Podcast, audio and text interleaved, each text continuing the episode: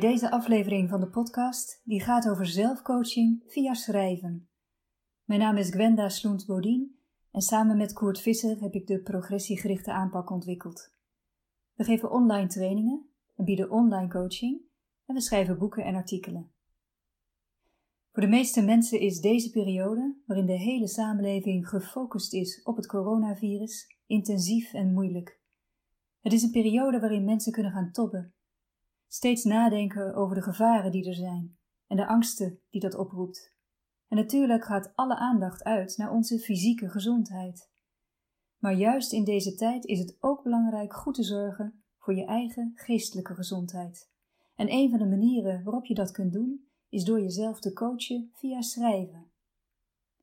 Of je nou van schrijven houdt of niet, dat maakt eigenlijk niks uit. Je hoeft namelijk geen romanschrijver te zijn en niemand anders dan jijzelf gaat lezen wat je hebt geschreven. Ook zijn er geen eisen aan je spelling en zinsbouw en je kunt zelf kiezen of je met de hand schrijft op een los velletje papier, in een boekje, digitaal op je computer, in je iPad, in je telefoon of waar dan ook. Schrijven kan helpen in verschillende situaties. Heb je iets naars meegemaakt waar je vaak aan terug moet denken, waar je last van hebt, wat je in de weg zit? Vraag je je af waarom je bent beland waar je nu bent, waarom de dingen zijn gelopen zoals ze zijn gelopen? Hoe je verder moet? Draai je rond in gedachtencirkels? Of blijf je tobben over dezelfde onderwerpen en kom je niet verder? Of wil je misschien juist positieve ervaringen koesteren? In elk van deze situaties kan schrijven helpen. Er zijn drie wetenschappelijk onderbouwde varianten van schrijven beschikbaar.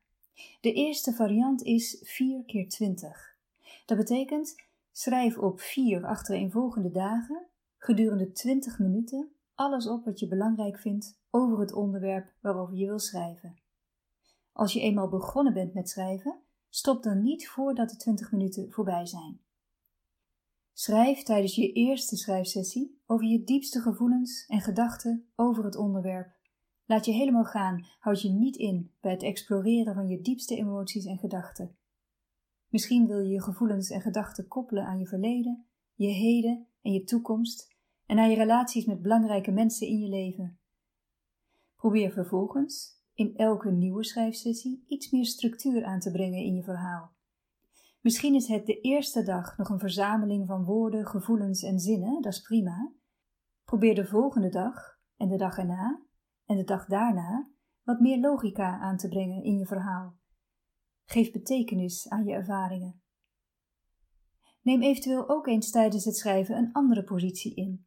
Schrijf bijvoorbeeld eens vanuit de positie van een observator. Dat wil zeggen dat je over je ervaringen schrijft alsof je jezelf observeert. Je kunt net doen alsof je iemand anders bent die jou in die gebeurtenis beschrijft. Schrijf afwisselend in de ik-vorm en in de zij- of hij-vorm. En als de vier dagen voorbij zijn, sta dan eens stil bij wat het schrijven je heeft gebracht. Wil je alles wat je hebt opgeschreven misschien nog eens overlezen, bewaren of verbranden, weggooien? De tweede schrijfvariant is om zo lang of zo kort als je wil te schrijven over een onderwerp dat belangrijk voor je is. Je kunt in één sessie schrijven of in meerdere sessies stukjes schrijven. Schrijf over wat de betekenis van het onderwerp voor je is. Waarom is het onderwerp belangrijk voor je? En schrijf ook over je hoop voor de toekomst. Je hoop dat de dingen beter zullen gaan en over je goede redenen die er zijn om te geloven dat het beter kan gaan. Schrijf ook over wat je wilt bereiken. Wat is je doel en waarom is dat doel belangrijk voor je? Hoe ziet een goede toekomst eruit? Wanneer je dat prettig vindt, dan kun je aan de hand van een aantal vragen je verhaal opbouwen. Put dan uit dit soort vragen. Betekenis. Wat maakt dit onderwerp zo belangrijk voor me? Wat is me al duidelijk over dit onderwerp? Waarom is het achteraf wel begrijpelijk dat de dingen tot nu toe zijn gegaan zoals ze zijn gegaan? Waaraan zou ik merken dat ik het verleden achter me heb gelaten? Wat doe ik dan anders? Wat heb ik gedaan om de dingen zo goed mogelijk te laten verlopen, ook toen het misging of dreigde te gaan? En wat heb ik gedaan om te voorkomen dat het erger werd? Hoe is het mij gelukt om door te zetten? Hoe hield ik vol? Of hoe houd ik het nu vol? Hoop. Wanneer is het me alles gelukt om er iets beter mee om te gaan? En wat deed ik toen anders? Wat lukt me nu al goed? Welke tekenen wijzen erop dat het binnenkort iets beter zal gaan? En wat stemt me hoopvol over de toekomst? bedoeling. Wat wil ik bereiken? Wat maakt het waardevol en belangrijk voor me om dat te bereiken? Wat doe ik nu al om te bereiken wat belangrijk voor me is? En wat is het eerste waaraan ik zal merken dat ik op de goede weg ben? De derde variant, je meest positieve ervaringen. Bij deze derde variant schrijf je op drie achtereenvolgende dagen gedurende ongeveer 20 minuten over de meest positieve ervaringen in je leven. Denk eerst even aan de meest prachtige ervaring of ervaringen in je leven, de gelukkigste momenten, misschien extatische momenten, momenten van grote vreugde. Misschien omdat je liefde voelde, of omdat je naar muziek luisterde, of omdat je geraakt werd door een boek of een schilderij, of omdat je een creatief moment ervoer. Kies vervolgens één moment of ervaring en neem dat moment zo specifiek mogelijk in gedachten met alle gevoelens en emoties die daarbij hoorden. Schrijf vervolgens zo gedetailleerd mogelijk over deze ervaring, inclusief alle gevoelens, gedachten en emoties die toen aanwezig waren. En doe je best om die gevoelens opnieuw te beleven. Op dag 2 en dag 3 kun je over dezelfde of over een andere prachtige ervaring schrijven. En lees na afloop van de drie dagen eens over wat je hebt geschreven. Voor degene die daarin geïnteresseerd is, zal ik iets vertellen over de wetenschappelijke achtergronden van deze schrijfvarianten. De wetenschappelijke onderzoeken van James Pennebaker, Joshua Smith, Stephen Lepore en Laura King liggen ten grondslag aan deze drie varianten. De eerste variant van schrijven is vooral gebaseerd op de onderzoeken van Pennebaker. Zijn onderzoeken lieten zien dat er een positief effect is op de fysieke gezondheid van schrijvers.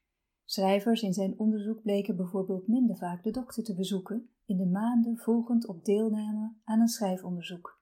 Ze namen ook minder aspirine in. Ook bleek dat het immuunsysteem van proefpersonen verbeterde na deelname aan een schrijfexperiment. Naast de fysieke kan ook de geestelijke gezondheid verbeteren door te schrijven. Dat bleek bijvoorbeeld uit onderzoek naar schrijven over gebeurtenissen over huwelijksproblemen, of het verlies van een baan, of het moeten wennen aan een nieuw leven als student. Zo verbeterden bijvoorbeeld de cijfers van studenten die net waren begonnen aan hun studentenleven in de maanden na het schrijven over hun transitie. En professionals die hun baan hadden verloren, vonden sneller een nieuwe baan na deelname aan een schrijfexperiment waarin ze schreven over wat ze bezighield rondom het baanverlies. De tweede variant van het schrijfexperiment ging over hoop, betekenis en bedoeling. De achtergrond hiervan is dat schrijven over dit soort vragen je narratief ten goede kan veranderen Timothy Wilson schrijft hierover in zijn boek Redirect. Welk verhaal vertel je over jezelf? Dat blijkt een belangrijke vraag te zijn, met implicaties voor je geluksbeleving en je gedrag. Wilson heeft het onder andere over ons narratief. Hoe we ons verhaal vertellen over onszelf en anderen is sterk gerelateerd aan hoe we ons voelen, aan ons welbevinden. En het perspectief waarvanuit we ons verhaal over onszelf formuleren, geeft ook richting aan ons gedrag en Wilson beschrijft wat voor soort perspectieven ons welbevinden ten goede komen. En daar zijn drie sleutelingrediënten voor: betekenis, hoop en bedoeling. Betekenis wil zeggen dat je zin ziet in je bestaan, dat je een coherente set van overtuigingen hebt die jouw bestaan richting geven. Als je je eigen verhaal vertelt vanuit een overtuiging dat het ertoe doet dat je bestaat, kun je beter reageren op tegenslag. Als je betekenis ziet, kun je beter accepteren dat er soms nare dingen gebeuren in je leven. Hoopvol gedrag wil zeggen dat je effectief omgaat met tegenslag, dat je je problemen aanpakt in plaats van dat je ze uit de weg gaat. Dat je focust op wat je kunt beïnvloeden en veranderen en plannen maakt voor de toekomst. Hoop is dus geen irreëel idealistisch idee dat alles wel goed zal komen. Hoopvol gedrag is effectief gedrag vanuit de overtuiging dat het beter kan worden. bedoeling dat wil zeggen dat je een zelfgekozen doel hebt en dat je progressie maakt in de richting van je doel. Het geeft ons een gevoel dat we effectieve, autonome mensen zijn die goed zijn in wat we doen. Als we een perspectief hebben dat we actief bezig zijn om een belangrijk doel voor onszelf te bereiken, dan komt dat ons welbevinden ten goede. En gelukkige narratieven zijn narratieven die mensen betekenis, hoop en een bedoeling geven. De laatste variant was het schrijven over positieve ervaringen. Niet alleen schrijven over nare ervaringen of over je hoop, betekenis en bedoeling kan een positief effect hebben op je geestelijke en lichamelijke gezondheid. Maar het blijkt uit onderzoek van King bijvoorbeeld dat ook schrijven over positieve ervaringen een positief effect kan hebben. Proefpersonen schreven bijvoorbeeld gedurende drie dagen 20 minuten over intens positieve ervaringen. En de resultaten waren dat deze proefpersonen een veel betere gemoedstoestand rapporteerden. Niet alle vormen van schrijven helpen echter. Schrijven blijkt vooral een goed effect te hebben wanneer er een coherent narratief begint te ontstaan in de loop van schrijfsessies. Dat blijkt uit een verandering in woordgebruik en een verandering in perspectief. Als iemand de eerste sessie bijvoorbeeld in de ik-vorm schrijft en in de loop van de schrijfsessies meer de hij, zij of wij-vorm hanteert, dan getuigt dat van een perspectiefwisseling en dat blijkt goed te helpen om betekenis te geven en inzicht te krijgen. Ook zinsconstructies zoals ik realiseer me nu dat of ik begrijp nu dat blijkt een teken te zijn dat het schrijven de persoon iets aan het opleveren is. Het is heel belangrijk dat dat wat er wordt geschreven vertrouwelijk blijft en dat de schrijver zijn epistels niet hoeft te bespreken of te overleggen aan iemand anders. Er zijn indicaties dat als dat wat je opgeschreven hebt openlijk besproken moet worden met iemand anders, dat juist een contraproductief effect heeft, waarbij de symptomen juist kunnen verergeren in plaats van verminderen. Dus waarom werkt schrijven zo goed? Vooralsnog denken wetenschappers dat schrijven kan werken vanwege de volgende redenen. 1. Zelfregulatie. Door te schrijven over je gedachten en gevoelens reguleer je je emoties en je gedachten, waardoor je controle krijgt over je gedachten en emoties. En dat lijkt samen te hangen met geestelijke en lichamelijke gezondheid. Nummer 2. Het structureren van een verhaal helpt om betekenis te geven. Als een verhaal coherent is opgebouwd, helpt dat beter dan wanneer een verhaal chaotisch wordt beschreven.